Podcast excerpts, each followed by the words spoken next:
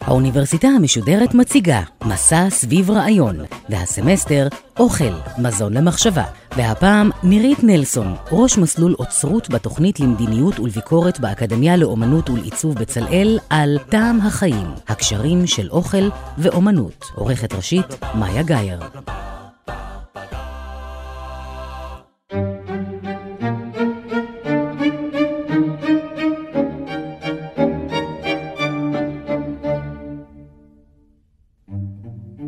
שלום, שמי נירית נלסון ואני עוצרת, מרצה וראש מסלול אוצרות בתוכנית התואר השני למדיניות ולביקורת באקדמיה לאומנות ולעיצוב בצלאל. במחקר שלי אני עוסקת בפרקטיקות שונות של אוצרות ובאומנות עכשווית. בשנת 2018, במסגרת פרויקט נימוסי שולחן, פרויקט רב-תחומי שעסק בביטויים אומנותיים הקשורים באוכל, בישול ואכילה, עצרתי את תערוכת האומנות בנושא, שהוצגה בגלריה האוניברסיטאית של אוניברסיטת תל אביב. בעקבות ההכנה לאותה תערוכה, התוודעתי לשלל החיבורים המרתקים בין אוכל ואומנות, הנוגעים באסתטיקה, דת, חברה ופוליטיקה, ובהרצאה הנוכחית אבקש לפרוס בפניכם כמה מהם. לכאורה קשה לחשוב על נושאים מרוחקים יותר זה מזה מאשר אוכל ואומנות. הראשון, האוכל, בסיסי כל כך, הישרדותי ושייך לעולם החומר, ואילו השנייה, האומנות, איננה הכרחית, לפחות לא לשם הקיום הביולוגי, ויש שיטענו שהיא מבטאת צרכים רוחניים יותר מאשר פיזיולוגיים.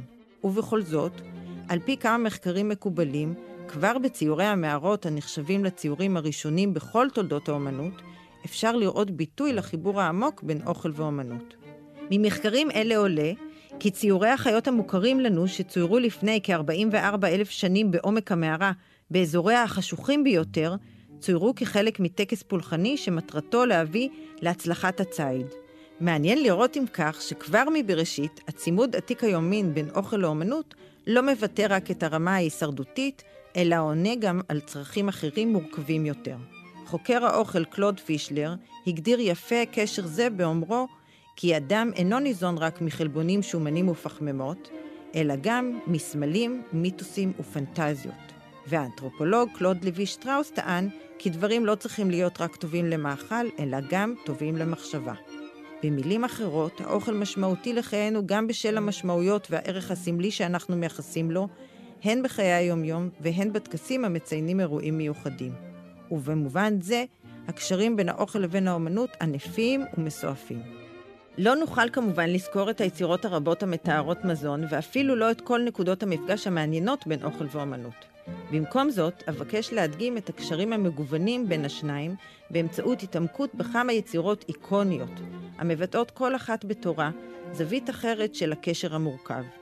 יותר משתהיה זו, אם כן, הרצאה שיטתית או כרונולוגית על הקשרים בין אוכל ואומנות, תהיה זו, וסליחה על הבדיחה השחוקה, ארוחת טעימות, שתעורר, כך אני מקווה, תיאבון להתעמקות נוספת. נתחיל את המסע באיטליה, במילאנו, שם נמצאת אחת מהיצירות הגדולות ביותר בתולדות האומנות המערבית, הסעודה האחרונה של ליאונרדו דה וינצ'י. הציור מתאר כידוע את ארוחת ערב חג הפסח האחרונה של ישוע ו-12 שליחיו בירושלים לפני הסגרתו לרומאים וצליבתו.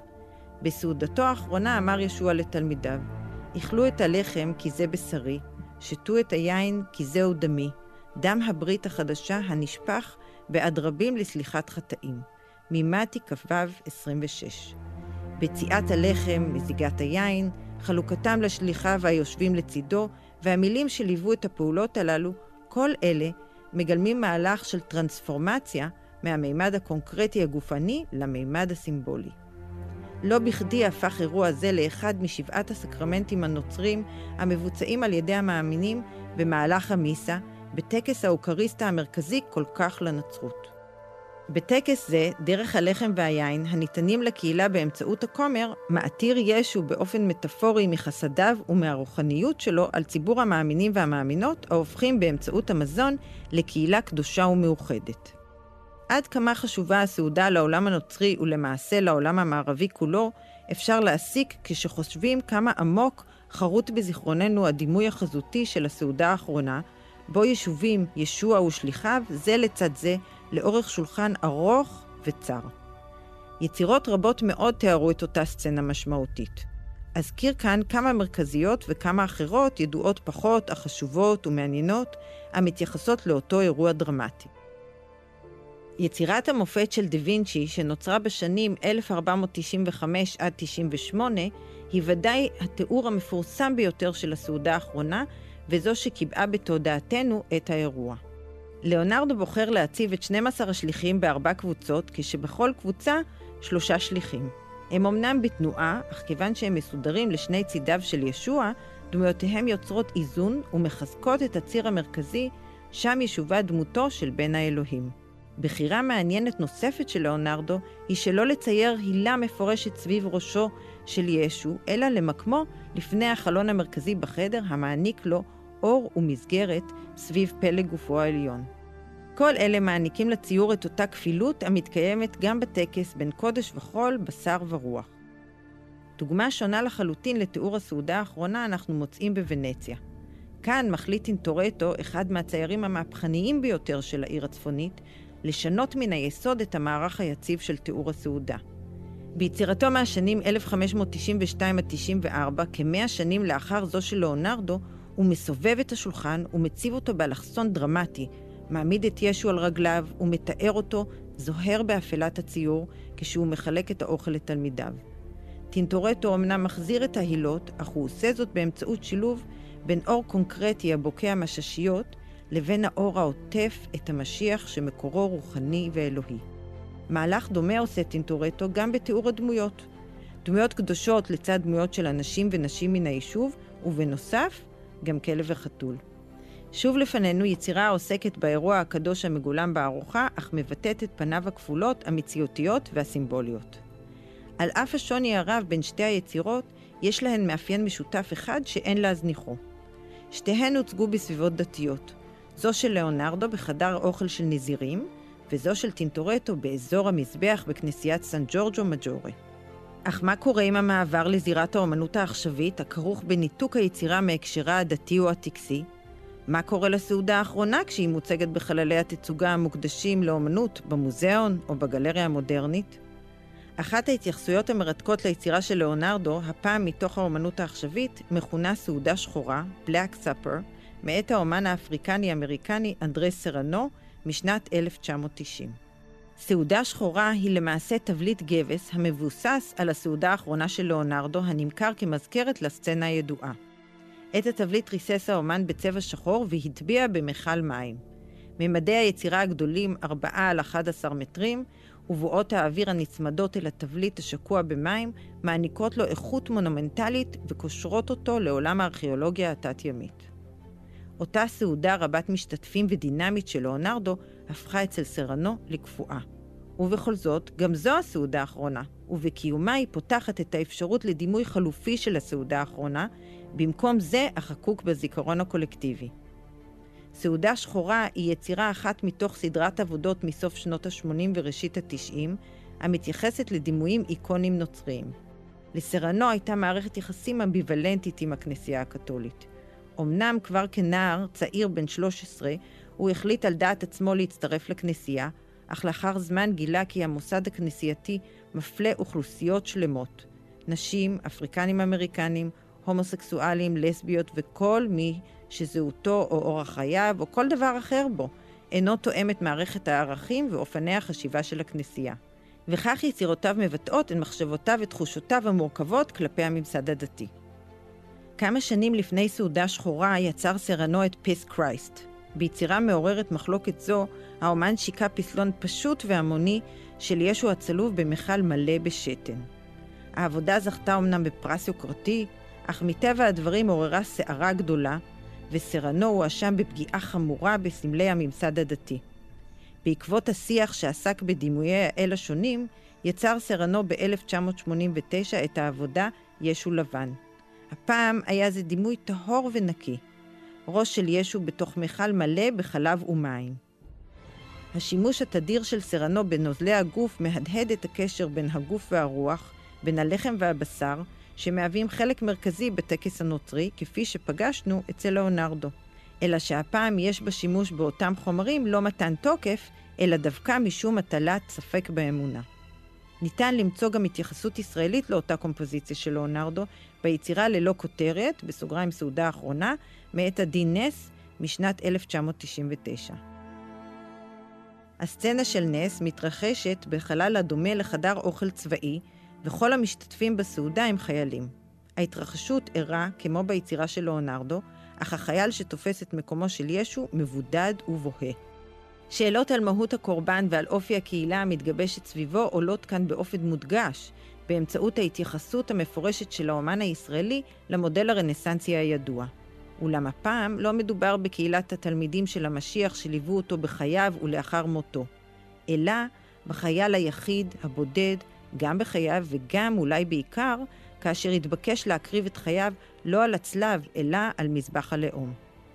כלי האוכל האדומים שבצבא משמשים למערך הבשרי, מחזקים את הקישור של האוכל המשמעויות של הבשר בסיפור הנוצרי, ומעלים שאלות או מותחים ביקורת מפורשת על אובדן החיים הצעירים ההופכים בגרסת הלאום מבשרו של המושיע לבשר תותחים.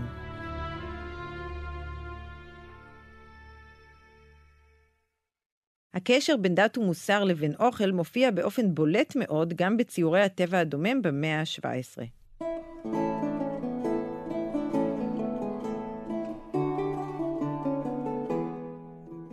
במסורת הציור הפלנדרי תוארו הפירות כשהם בשלים ומפתים ברגע שיא המרמז על הרגע הבא אחריו, הריקבון. יצירות אלה, המוכרות לרבים, עסקו בדיוק בקו התפר שבין החיים ובין המוות, וביקשו להזכיר לצופה את ארעיותו ואת ארעיותם של החיים. באמצעות ההתבוננות באושר המאכלים הדשנים וצבעוניותם של הפירות הבשלים, הבין הצופה כי החיים הם זמניים, והרגע הזה, בר החלוף, מטרים את רגע הבליה. כמובן שהיה עליו להסיק מכך שבשל העובדה שהחיים קצובים, עליו ללכת בדרך הישר, לפעול על פי צו האמונה ולבצע מעשים טובים בעולם הזה, על מנת לזכות בחיי נצח בעולם הבא, המרומז כבר בפרי או בירק המצויר להפליא. ציורי הטבע הדומם הפכו לסוגה מפותחת במיוחד בפלנדריה, אזור בלגיה והולנד בימינו, ואומנים רבים, גם מהגדולים ביותר, עסקו בה ביצירתם. אחת הבולטות ביניהם, קלרה פיטרס, זכתה בשנים האחרונות לחשיפה גדולה יותר בזכות תערוכה שהוקדשה לה במוזיאון הפרדו. אבל פיטרס אינה יחידה. להבדיל מגברים שיכלו לצייר או לפסל כל נושא אותו חפצו לתאר, אומניות בחרו בז'אנר זה גם בשל האיסור שהוטל עליהן לעסוק באנטומיה. נחמד להתעכב לרגע על ההבדל במונחים המתארים יצירות אלה בשפות שונות. בעברית, טבע דומם, כלומר מצב אוקסימורוני של טבע שעצר מלכת, דבר שאינו יכול להתרחש במציאות. באנגלית, still life, או חיים קפואים, יש התייחסות למדיום הציור שהקפיא את הרגע, אך חובק בתוכו את הידע על הרצף ועל המשך. זה היה גם הפירוש למילה ההולנדית סטילבן, אך זו יכולה גם להתפרש כחיים שקטים. בשפות הלטיניות, לעומת זאת, למשל בצרפתית, קוראים לסוגה נטור מור, טבע מת. כלומר, ציור האוכל מבטא תחליף למזון האמיתי, או אולי גילום של פנטזיות, כמיהה אל האוכל. דימויים חזותיים אלה היו נפוצים כל כך, שהפכו למעשה לכמעט אוניברסליים, במיוחד במערב. נושא הטבע הדומם על משמעויותיו הפילוסופיות העמוקות זכה להתייחסויות מודרניות ועכשוויות רבות. אחת המעניינות שבהן, גדולה וקיצונית במיוחד, באה לידי ביטוי במיצב גדול המימדים שיצר המעצב גטנו פשה במוזיאון הטריאנלה במילאנו ב-2001.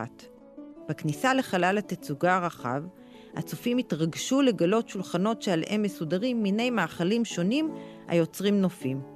גבינות היוצרות נוף הררי שוויצרי, נקניקים היוצרים תצורת נוף פראית יותר, מרחב ירוק עשוי בזיליקום טרי, סדרת הרים מעגבניות מיובשות, קפה, זיתים, גבינת גורגונזולה, לצד אגם משמן זית.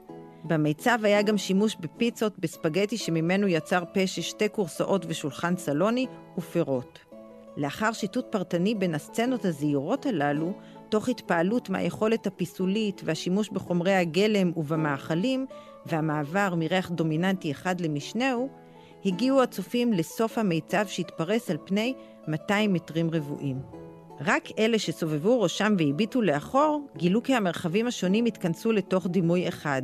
פרצוף ענק, שלחיו עשויה פרמז'ן, מלכת הגבינות כדברי פשע, האף העצום נבנה ממורטדלה והשפתיים מסלמי. פיה של הדמות היה פתוח ומתוכו השתלשלה החוצה לשון עשויה תותים טריים.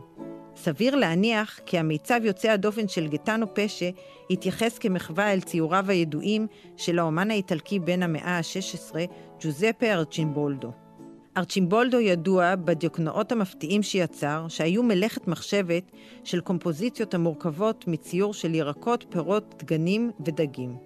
הציורים הללו נעשו לשם הנאה ושעשוע של פטרוניו, הקיסרים מקסימיליאן השני ורודולף השני מבית הבסבורג. סדרה אחרת בשם הפכים חשפה המצאה ייחודית לארצ'ימבולדו. במבט ראשון, היצירה נראית כציור טבע דומם, אך כשהופכים אותה, מתגלה דיוקן אנושי. בצילומי רנטגן גילו רסטורטורים כי האומן תיקן את סידור הפירות בציורי הטבע הדומם הללו כדי שיתכנסו לצורת הדיוקן באופן הטוב ביותר. הנה שוב מופיע לפנינו הקשר רב הפנים, תרתי משמע, בין האדם, בין דיוקנאו לבין מזונו. ואם בשעשועים עסקינן, כדאי להזכיר מנהג היסטורי נוסף שקשור לחיבור בין אוכל לבין אומנות. לא אחת נתבקשו אמנים לייצר עבור אדוניהם, עבור פטרוניהם, יצירה או קישוט בידורי הקשור לאוכל עבור אירוע חגיגי זה או אחר. ליאונרדו למשל התבקש להכין לשליט מילאנו, לודביקו ספורצה, המכונה לודביקו אלמורו, פסלים ממרציפן לערב אורחים מיוחד. מאוחר יותר כתב האומן כי התבונן בכאב כיצד לודוביקו ואנשי חצרו הנכבדים זוללים את כל הפסלים שהכין עד לפירור האחרון. חישבו על המתח העולה מהאפיזודה הקטנה הזאת. האם האומנות מספקת הנאה רגעית או נצחית? מה ערכה של אומנות שהיא אוכל, או אוכל שהוא אומנות? במקרה של לאונרדו, הקונפליקט נמצא כבר בשלב ההזמנה, שהרי כוונת המארח הייתה להציע לבאי ביתו קינוח אכיל ויפה, ואילו לאונרדו השתוקק להתעלם מהצד האכיל של המשוואה ולהדגיש את פן האסתטי שלה. כיוצר וחוקר הוא הוקסם מאיכויותיו של המרציפן כחומר פיסולי, כפי שבזמנו נהגו לפסל דמויות משעווה כדגמים לציורים, והתקשה להאמין לעובדה שהמוזמנים אפילו לא שקלו להותיר את היצירות על כנן. המתח הזה בין העונג המיידי לבין הרצון להנציח את ההנאה מאפיין את החיבור בין אומנות ואוכל וקיים גם ביצירות בנות זמננו כפי שנראה מיד.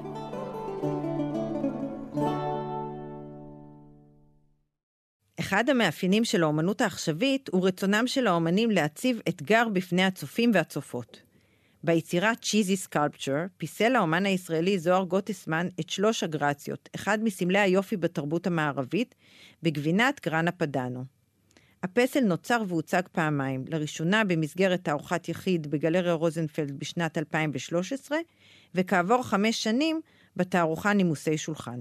במסגרת התערוכות הוזמנו המבקרים לקחת חתיכה מן הפסל, וכך הפכו למעשה לשותפים לפציעתן והשחתת גופן של הדמויות. שלוש הגרציות נותרו פגועות וחסרות. העבודה המתכלה מסמנת את הניגוד, הכרוך בלבטים, בין שימור היופי ובין התשוקה לאוכל. את המאבק בין הרצון לספק את חוש הראייה ובין הצורך להיענות לפיתוי של חוש הריח ובלוטות הרוק המתעוררות. קונפליקט דומה מופיע גם ביצירה מוקדמת הרבה יותר משנת 1969 של מיכה לורי, המכונה "אל תהיה חייל שוקולד". היצירה מתארת חיילים שנוצקו משוקולד מריר 70%, מוטלים כחללים בשדה הקרב. עוד לפני שיוסבר כיצד הגיעו למצב הזה, כדאי להתעכב על הביטוי חייל שוקולד. מקור הביטוי במחזה נשק והאדם, מאת המחזאי האירי הידוע ג'ורג' ברנרד שו, שנכתב ב-1894. המחזה מציג את הדיכוטומיה בין חייל גיבור לבין חייל משתמט, המחביא שוקולד במקום תחמושת בנרתיקיו, וזוכה לכינוי חייל שוקולד שמנת בפי אהובתו. המחזאי חנוך לוין השתמש בביטוי בשירו "בוא אליי חייל נחמד" ב-1965, ומאוחר יותר אף שיבץ אותו במחזה "מלכת אמבטיה" ב-1970, כחלק מהביקורת הנוקבת שלו על הזכיחות שאפפה את המדינה אחרי הניצחון במלחמת ששת הימים. זו הייתה גם נקודת המבט של מיכה לורי, שבעבודתו בחר לתת לה ביטוי ממשות פיזית וקונקרטית ולעשות שימוש בשוקולד כחומר היצירה. בשנת 1994 הוצגה עבודתו של לורי במוזיאון ישראל. באירוע הפתיחה הוזמן הקהל לאכול מחיילי השוקולד. התדמית החזקה שיש לחייל בחברה הישראלית גרמה לצוות המוזיאון, גילוי נאות באותה עת, גם אני עבדתי שם, לצפות שהמבקרים לא יעזו לאכול את חיילי השוקולד. אך לאחר שעה קלה ננגסו כל החיילים ונפגעו עד שלא נותר חייל עומד לרפואה. בתערוכת נימוסי שולחן שהוזכרה קודם, הוצגו אותם חיילים ערופי ראש וקטועי גפיים מהפתיחה במוזיאון ישראל בתוך תיבה שקופה. במרחק של 24 שנים נוספה לחיילים שכבת פטינה שהקנתה להם מראה כשל חמר, והם דמו לפתע לחיילי הטרקוטה הסינים שנגברו עם מנהיגם.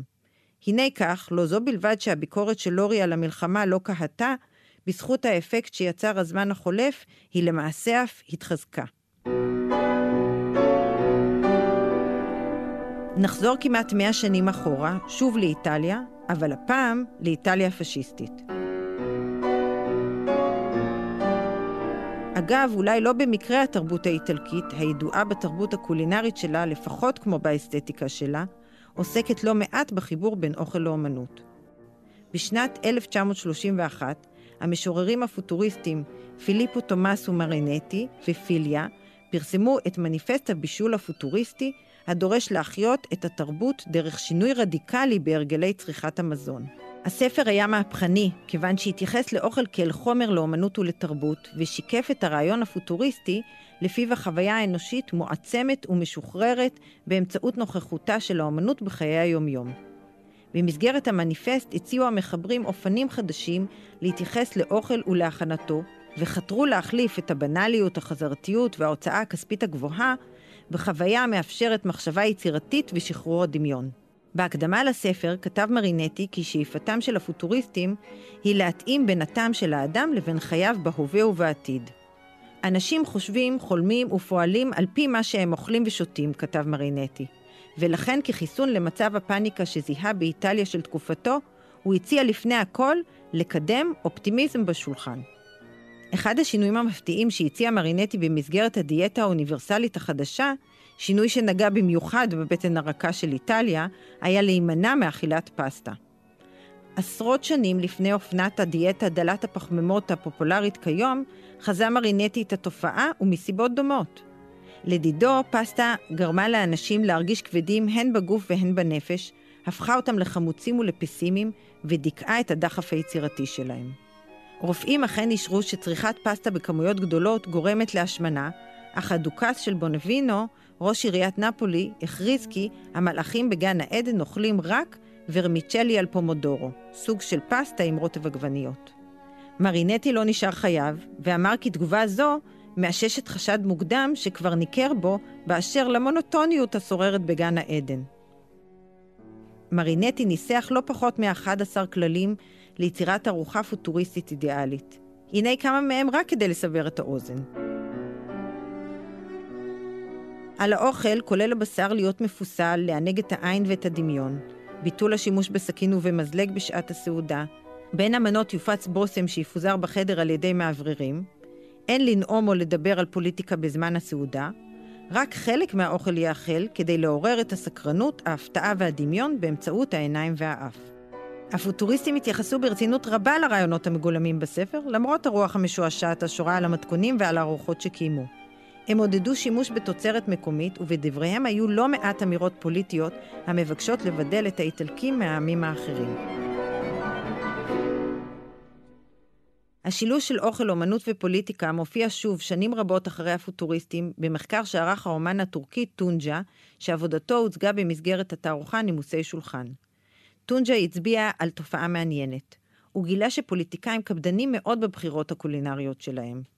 לחלקם, כך הוא טוען, יש פטיש של ממש, כמעט בגדר אובססיה למנה מסוימת, והם עלולים לדרוש אותה גם במקומות שבהם חומרי הגלם קשים מאוד להשגה או נעדרים לחלוטין.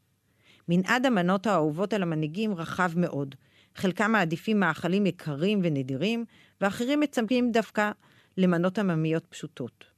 כך או כך, משמעות הארוחות הללו חורגת תמיד מהפונקציה הפשוטה של סיפוק הרעב. מנות אלה מבטאות תשוקות אישיות, לעתים ספציפיות וסמליות עבור המנהיג, ולעתים משרתות ערכים לאומיים שהמנהיג חפץ להטמיע בתודעה הציבורית. בסדרת העבודות תשוקה משנת 2014 צייר טונג'ה בגרפית מנהיגים פוליטיים בולטים מהמאה ה-20. הדימויים לקוחים מצילומי עיתון שהציגו את האישים המכובדים בסביבת אוכל. אחת העבודות המעניינות עוסקת ביוזף סטלין, שגם היווה השראה לסדרת היצירות כולה. טונג'ה התמקד בעניין הרב שגילה סטלין באוכל ובספר הבישול שפרסם, שנקרא בפי הסובייטים הספר האדום. קהל גדול רכש אותו, למרות שחומרי גלם רבים, המיועדים להכנת המטעמים, לא היו בנמצא באותה תקופה בברית המועצות. למעשה היה זה מעין ספר בישול שאת מתכוניו לא ניתן להכין, והוא מיועד יותר מהכל לעורר את הדמיון. סטלין אמנם היה נהנתן, אך המנה המועדפת עליו הייתה מנה גיאורגית טיפוסית, הרגבי, שהצביע על שורשיו. ניקיטה חרושצ'וב, שסלד מפולחן האישיות של סטלין, אימץ גם הוא מנה עממית, מרק הבורשט, כמנה האישית האהובה עליו. אך הבחירה שלו אינה ביוגרפית ואינה מקרית. הבורשט היה מאכל אוקראיני. בחירתו של המנהיג הרוסי במנה זו משולה להלאמה של המאכל, לנישולו המטאפורי ממקורו הלאומי. בפתיחת התערוכה ערך האומן מופע פרפורמנס שבמהלכו בישל את הבורשט על מנת להחזיר את המנה באופן סמלי וממשי כאחד לציבור. עתה, משנחשפה המשמעות הפוליטית הטמונה במאכל, סביר שהוא יובן או יעוקל באופן שונה מבעבר.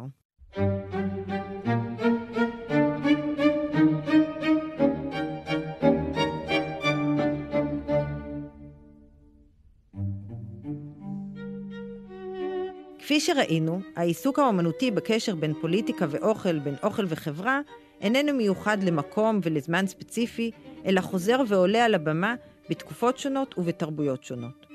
לא נוכל כמובן להקיף את מכלול היצירה בתחום זה, ובכל זאת, לפני סיום, חשוב להזכיר כמה מהאומנים הבינלאומיים שעסקו בנושא. ביניהם, דניאל ספוארי, שכבר ב-1960, ארבע שנים לפני הסופרמרקט של אנדי וורהול, רכש קופסאות שימורים וחתם עליהן ביצירה שנקראת מכולת.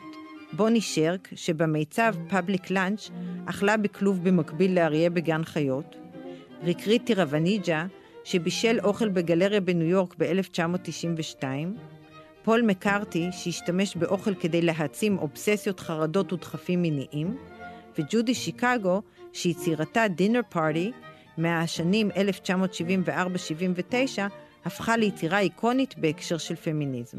וגם בזירה המקומית היו אומנים ואומניות שעסקו בנושא, ביניהם כדאי לציין את היצירה הדיבורים על דורה של תמר רבן והשף צחי בוקשסטר מ-1997, בה אכלו המבקרים משמלתה של רבן. את טליה הופמן שבאמצעות אוכל מבטאת ביקורת פוליטית וחברתית, את בן הגרי שמותח את גבולות האוכל בפרפורמנס ובסאונד, אבי סבח שמשתמש בטיגון כתהליך יצירה, ואת אתי אברג'יל שלחם הוא מוטיב חוזר ביצירתה. ג'ים דוברובניק, היסטוריון אומנות שחקר את הקשר בין אומנות לאוכל, כתב שהאומנות אוהבת ללכת יד ביד עם אוכל. באופן מסורתי, אנו רגילים לתפוס את היצירה כנפרדת מן הצופה, וכאן, בשילוב ריחות האוכל והטעמים, היצירה הופכת לחלק מהצופה. בסופו של דבר, דומה שהקשר בין אומנות ואוכל הדוק הרבה יותר משנדמה היה אולי בהתחלה, אבל אין זה קשר פשוט, ולעיתים מדובר בקונפליקט של ממש. אוכל כמו אמנות מהווה צומת עמוס במשמעויות תרבותיות, פסיכולוגיות, דתיות, פוליטיות ואחרות. שניהם תוצרי האדם, וככאלה מבטאים את תשוקותיו וצרכיו, אך שניהם גם מזינים אותנו ומעצבים אותנו, ממש כמו שאנחנו, בני האדם, מעצבים אותם.